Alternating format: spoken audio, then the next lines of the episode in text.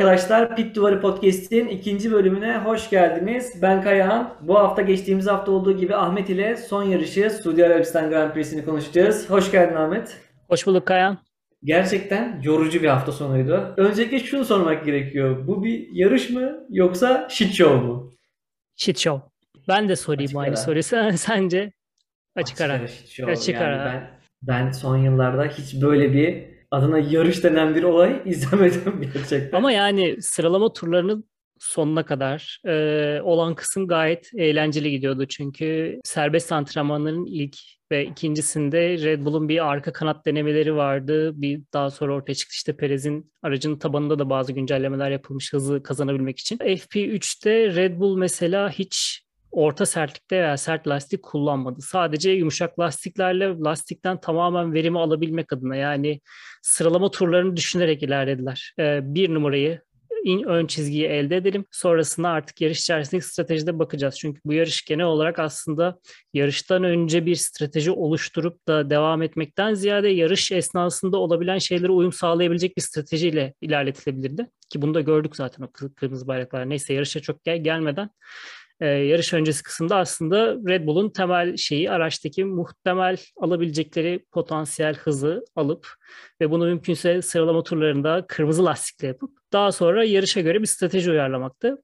Mercedes tarafında da aslında Toto Wolff'un yarıştan sonra söylediği bir şey var işte yarıştan önce en güçlü arabaya sahip olduğumuzu biliyorduk diye. Ama sıralama turlarında özellikle Verstappen'in o bitiremediği son turdaki ortaya çıkardığı bu, bu büyük azim mi demek lazım ya da yetenek mi ortaya koydu. Araçla beraber bütünleşmesi de olabilir. Biraz sürpriz oldu onlar için de. Yani zaten Christian Horner e, yarış sonrası röportajında şey dedi yani bu sıralama turunda Max Verstappen'in attığı efsanevi tur. Yani böyle son viraja kadar deltasında işte eksi 400'ü gördüğü e, bir efsane bir tur var ki zaten gördük Ricardo ve Fernando Alonso'nun röportaj yaparken izlediğinde böyle yani Fernando Alonso gibi bir efsane bile böyle gözlerini açık bir şekilde izliyordu. Yani Kesinlikle. limitin de limitindeydi böyle. Yani hani şey tam tabirle böyle pistin dibini sıyırarak geldi böyle kenarlardan Max Verstappen.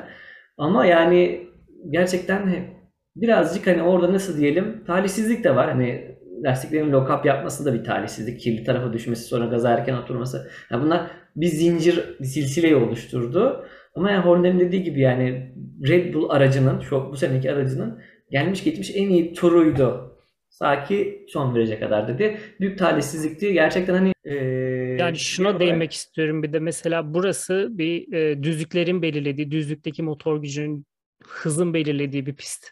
Burada hız handikapı olan bir araçla o son turda böyle efsanevi bir şekilde neredeyse 0.4'e kadar gelip e, hani olmayan bir şey çıkarmak gibi ortaya aslında. Bu sadece Max Verstappen adına değil, e, tüm Red Bull garajı adına oradaki işte aracın e, gerçekten potansiyelini ortaya çıkarmak ve burada gerçekten Mercedes'e favoriye karşı kafa tutabilmek adına çok diri bir adım atmışlardı aslında ve bu açıdan çok heyecan veriydi çünkü e, sıralama turlarında burada e, kırmızı lastiği çalıştırabilen takım hep bir adım önde olacak diye düşünüyorduk ve bunu aslında Red Bull o son viraja kadar başarmıştı. Evet. Tahmin eder miydin yarıştan önce Red Bull işte 0.4 ile sıralamayı alacak der miydi? Yani ben ihtimal vermezdim.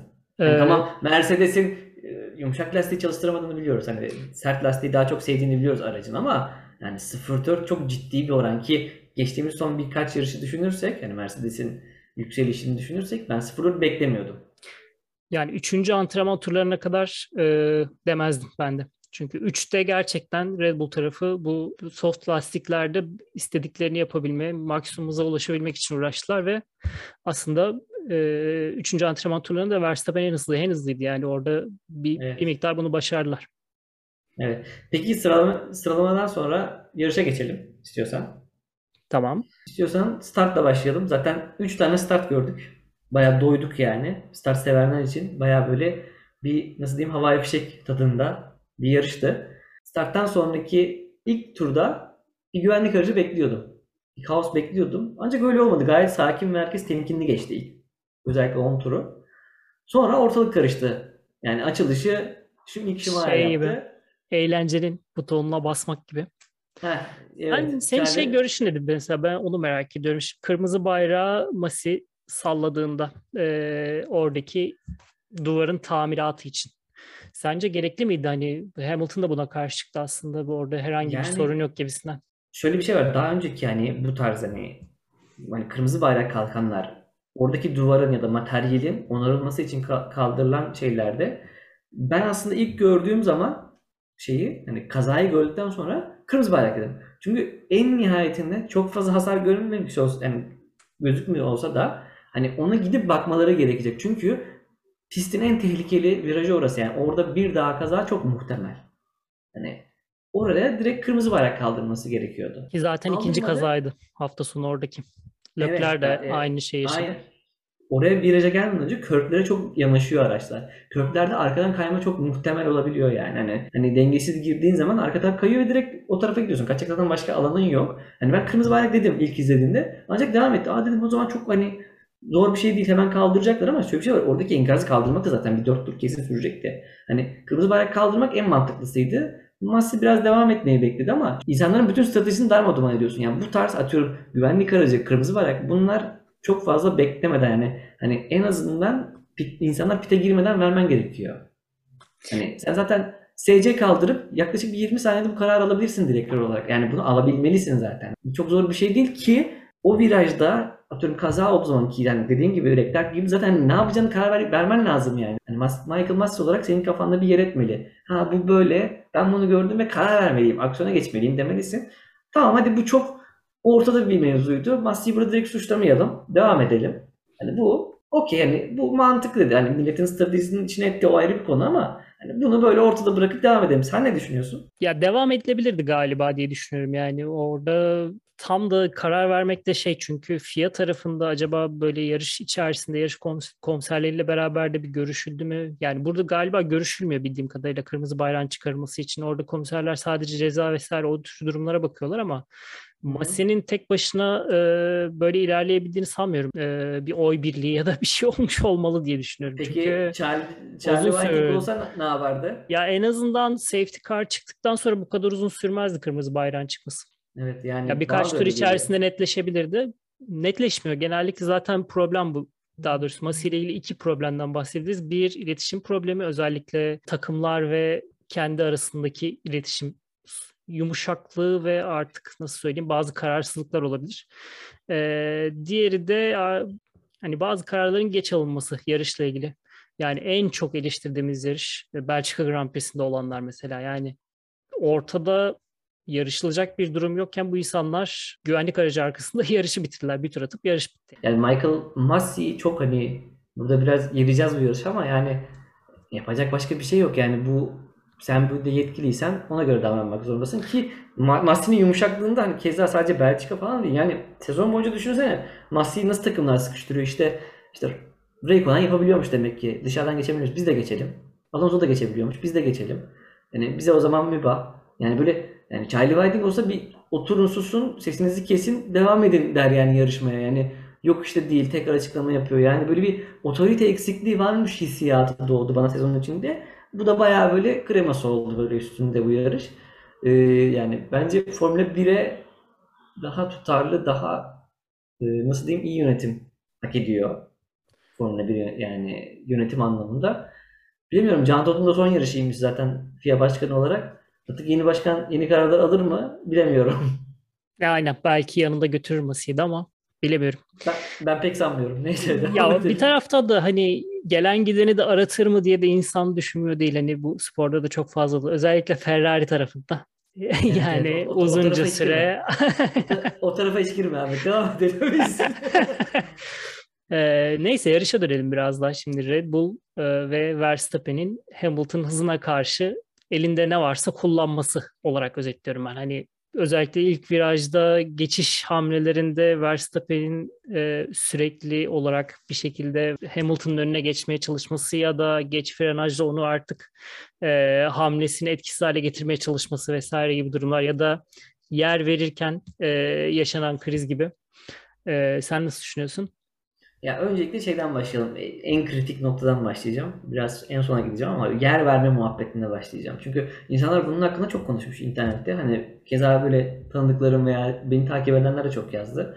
Hani öncelikle şöyle başlayalım. Hani Formula yeni başlayanlar anlamında söyleyelim. Arkadan vuran suçludur. Arkadaşlar burası E5 değil. Burası pist. Bu öncelikle bambaşka bir boyut. Şunu konuşmak gerekiyor.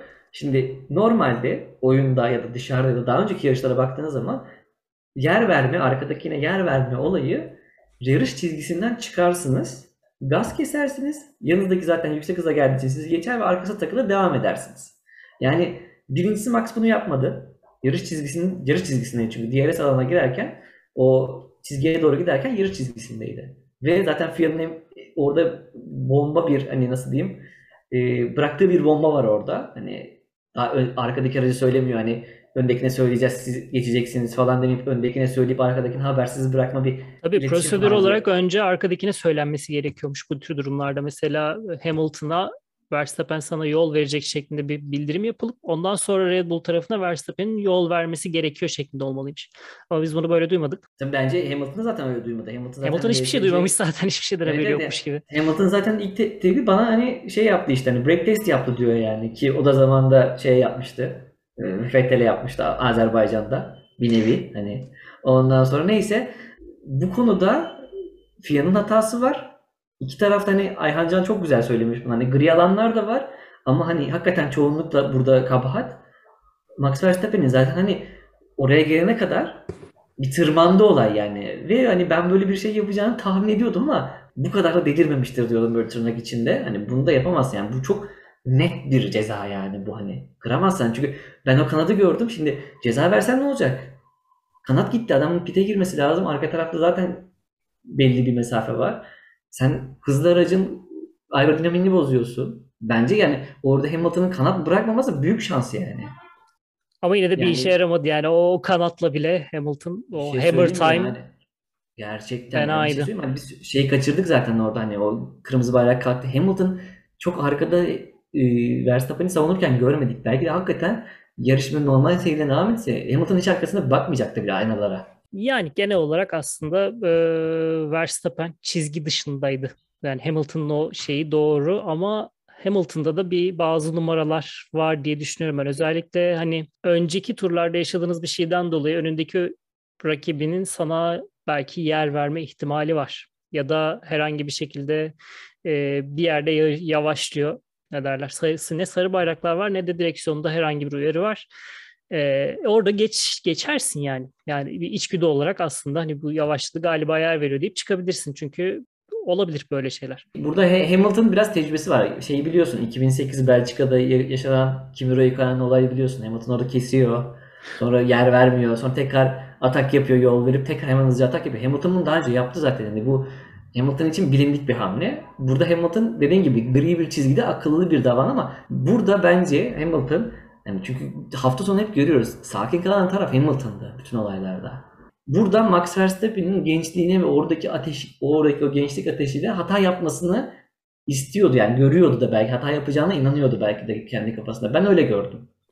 Yani evet. Verstappen orada bir sorun yaşıyor da olabilirdi mesela. Yani atıyorum gerçekten yer vermeseydi ya da vites kutusunda bir problem yaşıyor olsaydı Hamilton geçmeyecek miydi Verstappen'i?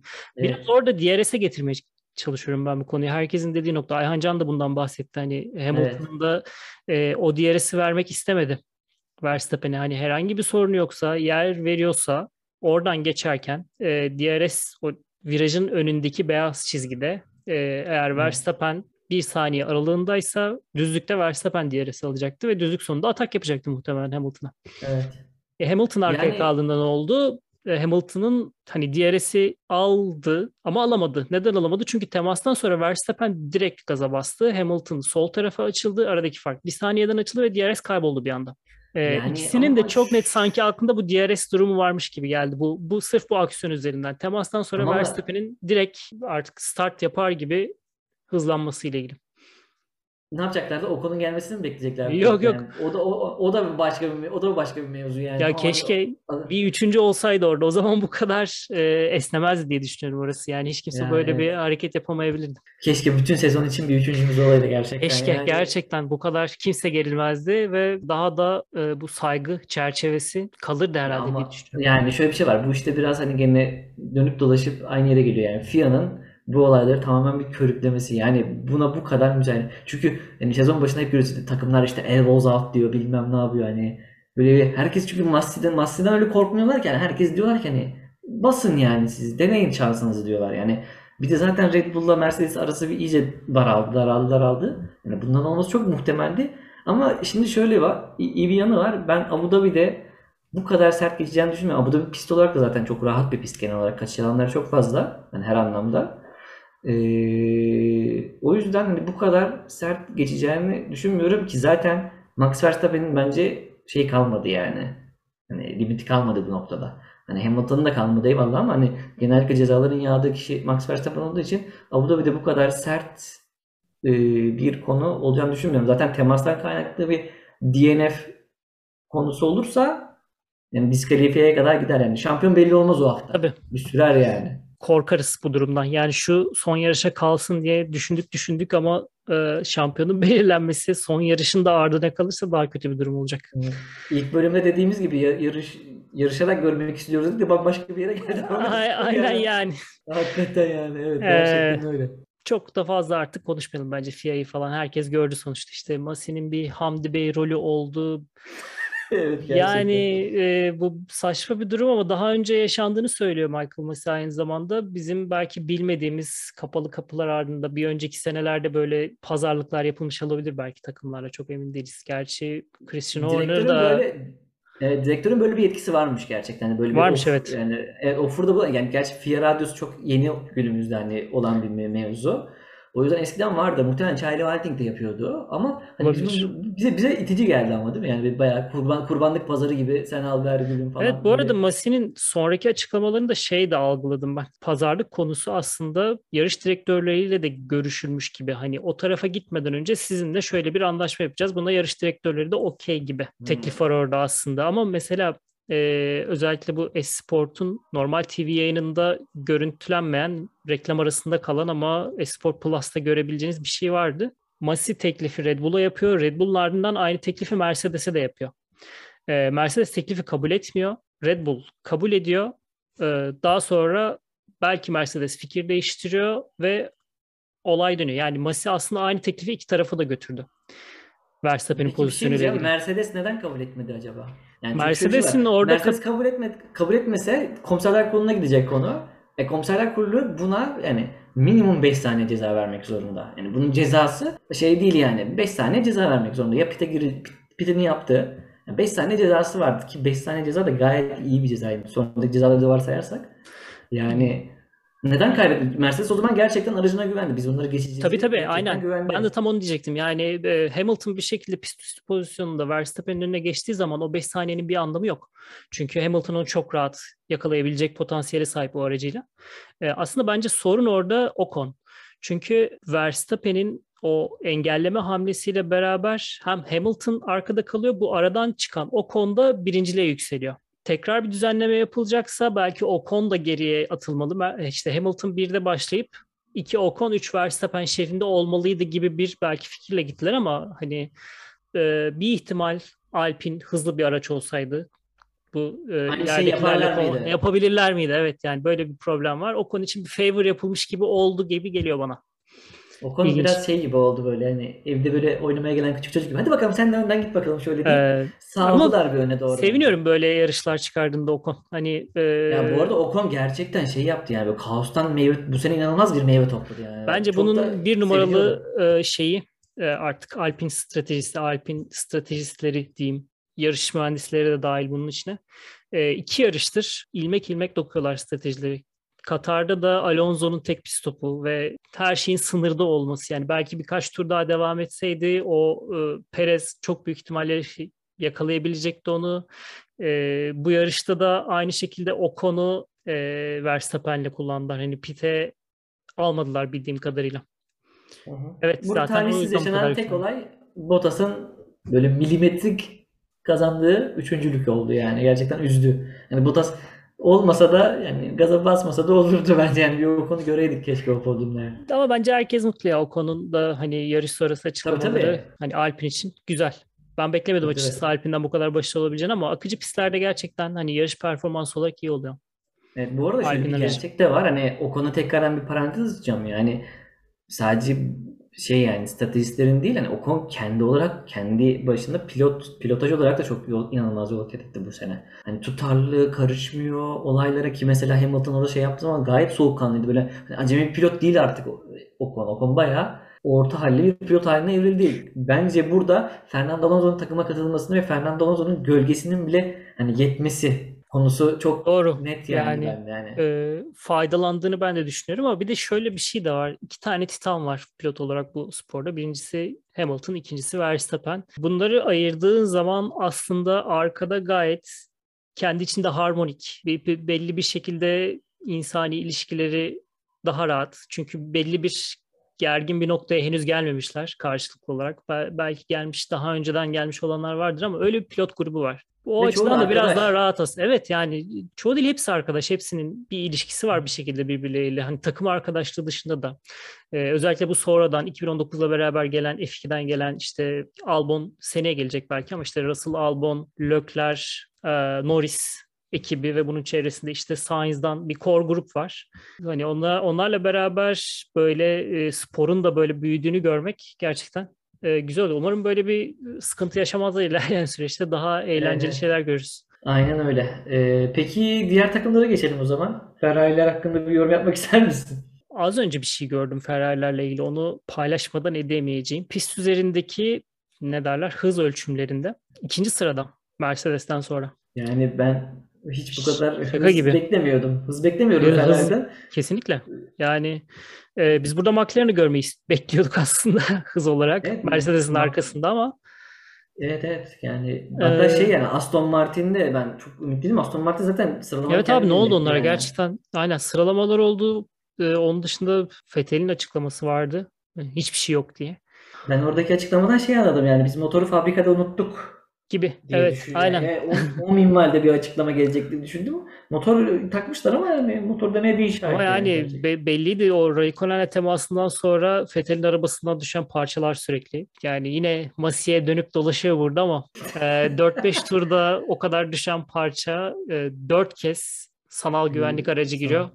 Ya en azından hatta birisi belki de e, belki de ikisi Alonso'nun e, radyo Zorlamasıyla konuşmasıyla, yani. zorlamasıyla e, o şaka gibiydi. Bir, bir uzun bir e, sanal araç, sanal güvenlik aracı periyoduyla belki daha hızlı, daha efektif temizlenme yapılabilirdi ama yani burada sadece Masi'de mi problem yoksa pist ekibinde de e, acemi ya da ilk defa yarış düzenliyordu sonuçta. O zaman Evet, pist demişken pisti değerlendirelim genel olarak. Hani geçen hafta pist hakkında böyle öngörülerimizi söylemiştik. Yani pist tamam hani hafta sonunda bir shit show'da o kesin ama pisti değerlendirirsen yani çünkü anladığımız kadarıyla gelecek sene de bir tur yarışılması planlanıyor şu noktada. Hani pist genel anlamda sence hani seyir zevki olarak ya da böyle hani tasarım olarak nasıl buldun? Riskli bir pist gerçekten. Hani Korkutuyor. yol, korkutuyor. Yol tutuşta bir sıkıntı yok da herkes çok memnundu yol tutuştan. Özellikle tek tur atarken yarışçılar hızlı turlarında çok çok eğlendiklerini söylediler genellikle ama bir 20 aracı birden bu pistte döndürmeye başladığınızda bir iş biraz değişiyor. Yani o kör virajlar,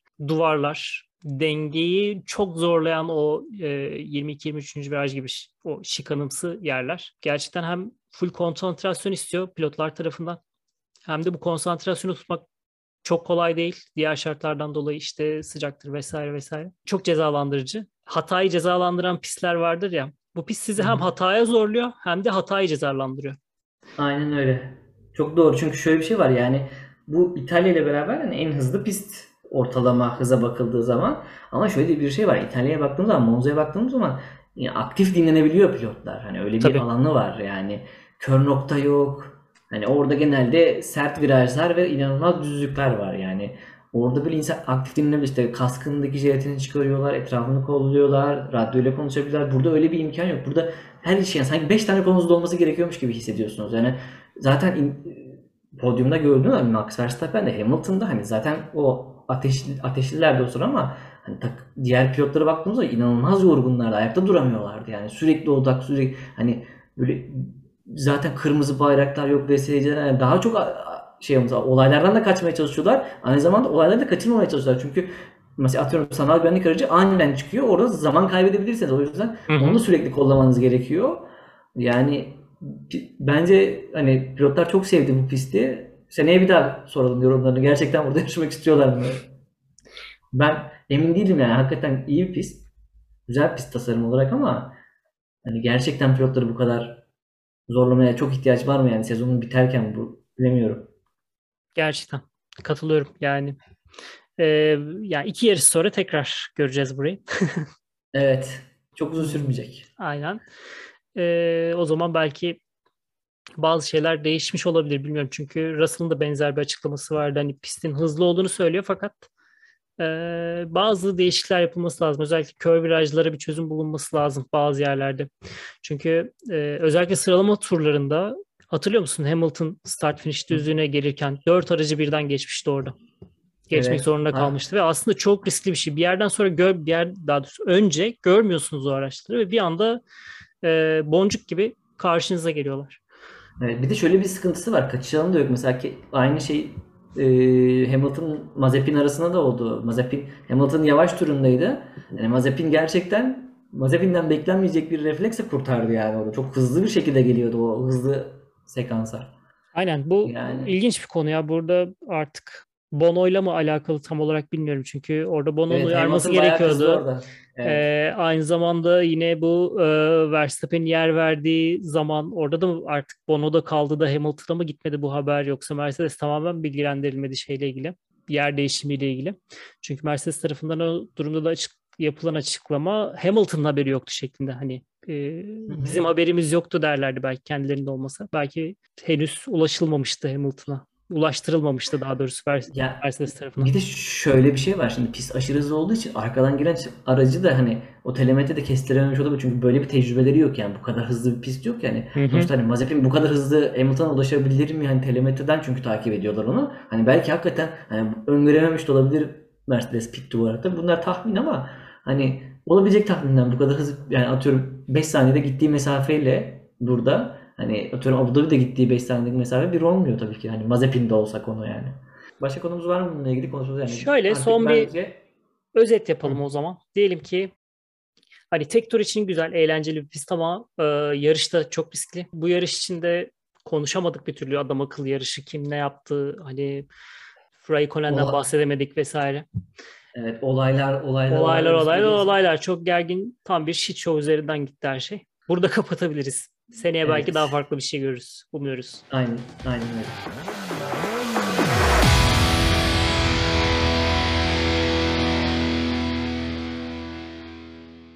O zaman Abu Dhabi'den konuşalım biraz da. Haftaya sezonun son yarışı. Eşit puanla gelen iki büyük dev ve pazar günü muhtemelen saat 7 olmadan önce bu yılın şampiyonu. Umarız göreceğiz. Sen bu sezon için ne düşünüyorsun Kayan? Yani sezon sonu böyle sıkıcı bir yer aslında Abu Dhabi genel olarak ama belki değişikliklerle biraz daha toparlayabilir. Genel olarak nasıl bir sezon sence ya? Yani öncelikle ben hep böyle şampiyonun Brezilya'da olmasını hep hani Brezilya'da böyle lanse edilmesini ya da Brezilya'da hep öyle alıştık seneler boyunca. Hani Eski toprak. Abu Dhabi, tabii tabii evet yani Abu Dhabi'de böyle şampiyonu görmek biraz şey oluyor böyle hani buruk oluyor yani Abu Dhabi tamam güzel pist ama yani o, o kadar da klasik değil yani. Ama yani son düzenlemeyle bir heyecan şey oldu. Çünkü böyle hani aslında Abu Dhabi'nin nasıl diyeyim böyle imza virajlarının olduğu yerleri bayağı böyle düzenlemişler. Ee, ben bir tık hani Red Bull'a da uyuyor. Özellikle son sektör, üçüncü sektör bence Red Bull'a çok daha uygun. Ee, ama üç tane büyük düzlüğüyle hani ikisi çok büyük bir tanesi ortalama büyük diyelim. Ee, düzlükle Mercedes'in bir tık daha avantajlı olabileceğini düşünüyorum. Bir de hani şeyi de düşünürsek, son yarışta düşünürsek bu hani Körfez bölgesindeki hani Orta Doğu'daki pistlerde Mercedes çok daha iş, e, iyi iş yapıyor. Hani sıcaklığı seviyor. Hani e, şey gibi değil. Hani Red Bull gibi yüksek irtifayı sevmiyor. O yüzden Mercedes'i bir, bir tık daha diyorum. Sezonun anlamında kaç yıl oldu bilmiyorum. Yani Formula 1 takip ediyorum ama herhalde izlediğim en heyecan verici sezonlardan biriydi yani. Çünkü işte yeni pistler, genç sürücüler, olaylar, F1 yönetimi, şampiyonun bir gidip bir gelmesi yani bura bayağı böyle Meksika'da biz bırakıyorduk neredeyse şampiyonu bambaşka bir yere geldi olay. Ee, o yüzden hani bayağı heyecanlıyım. Ben bayağı hani zaten geçen hafta full böyle hani ha, bu hafta şampiyon belli olabilir falan kafasıyla geldiydik Cidde'ye. Şimdi Abu Dhabi için konuşuyoruz. Hani inşallah mahkemeye gitmez. Hani inşallah dediği Aynen. ya pazar günü bu sezonun şampiyonluğunu öğreniriz. Ee, sen ne düşünüyorsun yeni pist Ee, hakkında? Aynen yani dediğin gibi abi. Abu Dhabi yıllardır takvimin en sıkıcı pisti. Ben şey du- e, duymuştum. Belki doğrudur. Hani Abu Dhabi son yar- e, yarış olmak için aslında ekstra bir bütçe de ayırıyor FIA için gibisinden. Brezilya'dan almak için o pozisyonu. Ee, yani yıllardır takvimin en sıkıcı yarışına sahne olan pist. Çünkü pistin hızlı sekansları ve buradaki işte ritmin bir şekilde geçişe dönüştü, dönüşünü sağlayacak virajlar e, çok doğru kurgulanmamış ve e, sürekli böyle belli bir hıza ulaştıktan sonra bir şikanla ya da çok düşük hızlı geçilen bir virajla ritimler sürekli bozuluyor araçlarda. Hı hı. Ee, aslında e, burada nokta atışı bazı değişiklikler yapılıyor. İşte bir şikanlı viraj kapatılıyor tamamen tek bir U hairpin'e dönüştürülüyor. Ee, bazı keskin virajlar orta hızlı viraja yakın şekilde genişletiliyor ve bir yerde daha galiba şey yapılacak. Bir U eğimli şekle getirilecek. O da artık trend oldu Hollanda'dan sonra eğimli viraj. Aynen hani bu noktada o özellikle orta sektördeki iki kocaman DRS alanıyla biraz böyle motor gücünü dengeler gibi aerodinamiğe göre. Çünkü geçen yıl aslında Red Bull dom- domine etmişti burayı. Ee, Domine etmişti ama şöyle bir gerçek de var yani orada Lewis Hamilton Tabii, şampiyonlar. yeni çıkmış şampiyon olmuştu Aynen. vesaire vesaire. Yani orada bir ufak bir illüzyon var ama hani ben gene de tabii geçen seneki Max Verstappen'in performansını iyi buluyorum, iyi buluyorum burada. Red Ama şimdi iyiydi yani geçen- gerçekten. geçen yılki Red Bull'la da şu bu yılki Red Bull aracı arasında fark var. Yani bu yılki Red Bull aracı biraz daha yakın e, Aynen. performans olarak hani daha belki etkili olabilir. Biraz daha dengelendiğini düşünüyorum aslında pistin. Şöyle bir şey var hani biz ciddi için şey konuştuk Suudi Arabistan Grand Prix için de e, mutlak favori Mercedes. Ama o sıralama turlarının son turuna kadar Red Bull'un yaptıklarını görünce e, bu adamlar doğru ayarı bulabildiklerinde, doğru testte, doğru patikada ilerlediklerinde gerçekten çok ölümcül bir pakete dönüştürebiliyorlar aracı. Belki Abu Dhabi'de en büyük şansları bu olabilir. Yapabilirlerse eğer tekrar o antrenman turlarını iyi değerlendirebilirlerse. Hani orta sektör haric- haricinde birinci ve üçüncü sektörde eğer doğru tempoyu yakalayıp o mor zamanları çıkartmaya başladıklarında Red Bull favori olur burada. Evet, doğru diyorsun. Katılıyorum. Yani bir de şöyle bir şey var. Biz son yarışta Perez'i hiç göremedik. Perez bura- yani burada bir şeyler yapabilir ben. Perez'den mutluyum bu pist için yani. Perez'in sevdiği tarzda bir pist bu bence çünkü. Çok e, psikolojisinin iyi olduğunu düşünmüyorum açıkçası. Ciddi'de yarış kalmasıyla neredeyse Red Bull takımlar tarafında havlu attı. E, Evet. Para takımlardan geliyor. Takımlar şampiyonasından alınıyor. Büyük ödül takım için orada. Primler orada. Ya bir de şey Evet. sen önümüzdeki sene e, rüzgar türbünü kullanımı da bu şey sıralamayı etkiliyor. Yani seneye çünkü şöyle bir şey var. Yani seneye araç sezon içinde bayağı herkes geliştirecek. Yani çünkü bayağı yepyeni bir araç göreceğiz. O da çok kıymetli. Ama dediğin gibi neredeyse hani çok büyük bir olay olmadığı sürece şu an takımlar şampiyonası Mercedes'te gibi görünüyor. Şu an Aynen. Bunun dışında bir de şeye değinebiliriz. Hani Paul burada çok önemli. Önceki yıllarda önemliydi. Bu yıl da önemli olacak gibi geliyor bana. O yüzden söylüyorum. Ee, belki eğer bu küçük değişiklikler pistte çok ciddi farklar yaratırsa e, yine ikinci, üçüncü belki daha gerideki bir aracın yarışı kazandığını görebiliriz. Bir de ilginçtir abi bu e, hani benim hatırladığım 2007, 2008 ve şimdi bu yıl e, arada bir Vettel'in son yarışta şampiyonluğu var ama bir Hı hı. sorun çıkıyor bir takımda. Hani bir, Bir bir şeyler yaşanıyor, bir drama. drama oluyor. Ee, belki öyle bir şeyle karşılaşıp hani 1-2 Verstappen Hamilton'dan ziyade böyle 4-5'te yer aldıkları ama birinin önde olup yarışı kazandı. Biricinin çok farklı biri olduğu bir yarışa da dönüşebilir. Ama genel olarak zaten şey beklemiyoruz. Güvenlik aracı veya kırmızı bayrak geç, beklemiyoruz. Hani burada bir o noktaya götürecek bir durum olur mu bilmiyorum ama bakacağız. Yani burada çok ben de beklemiyorum hani böyle yani sarı bayraklar kalkar maksimum çok z- ters bir durum olmadığı sürece hani oyunun yarışın duracağını düşünmüyorum. Yani ama şöyle bir şey var. Lewis Hamilton burada 5 kere kazandı. Böyle bir gerçeğimiz var. Yani tamam çok aracın çok iyi olduğu zamanlar kazandı. Bir de şöyle bu pistte şöyle bir şey var. Dediğin çok doğru. E, pole'de başlayan çok avantajlı. Mesela Red Bull, Vettel'in Red Bull zamanında böyle Red Vettel arkasına bakmıyordu burada yani gerçekten böyle. Ben hatırlıyorum böyle 20 saniye 30 saniye gibi farklı açılıyordu gerçekten arkayla böyle hani gireyim pit yapayım kahvemi alayım devam edeyim falan tadında devam ediyordu. Yani Abu Dhabi polü seviyor.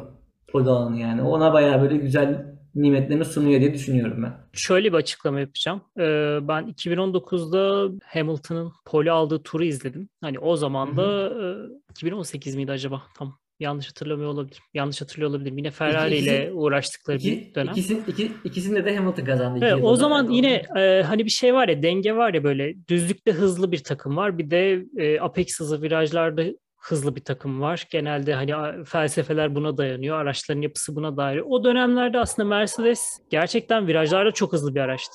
Orta sektörde sarıydı mesela Hamilton'ın turu ve e, son sektörde mordu, ilk sektörde yeşildi. Yani daha Hmm. böyle virajlarda etkili olabilen. Şimdi biraz e, roller değişmiş gibi. Mercedes şu an düzlükte inanılmaz hızlı bir araç. Ama Red Bull o o felsefeyi hani daha önce de sahipleniyordu zaten e, viraj Hı Vettel'de de bu durum böyle aslında bu yarışın e, pistin kilit noktası bu e, ritim bozan virajları mümkün olduğunca kuvvetli bir hızla alabilmek, yüksek bir hızla alabilmek. E, o yüzden hani belki burada yine o denge sağlanabilir gibi geliyor bana. Evet, olabilir. Bakalım göreceğiz ya. Ben pazar günü dediğim gibi hani umarım böyle bir hani bir dram yaşamadan iki aracı da finish çizgisini tek geçerken görürüz. Çünkü ben şeyi de çok merak ediyorum. Hani ikisinden biri şampiyon olduğu zaman ne tepki verecekler? Nasıl olacak? Mesela ikisi podyum görecek mi? Podyum görürse nasıl davranacaklar? Hani biraz pist dışındaki olayları çok merak ediyorum. Ee, göreceğiz yani. Abu Dhabi'de uzun zaman sonra böyle bir şampiyonluk görmeyeli bayağı olmuştu. Merakla Aynen. bekliyorum. Aynen.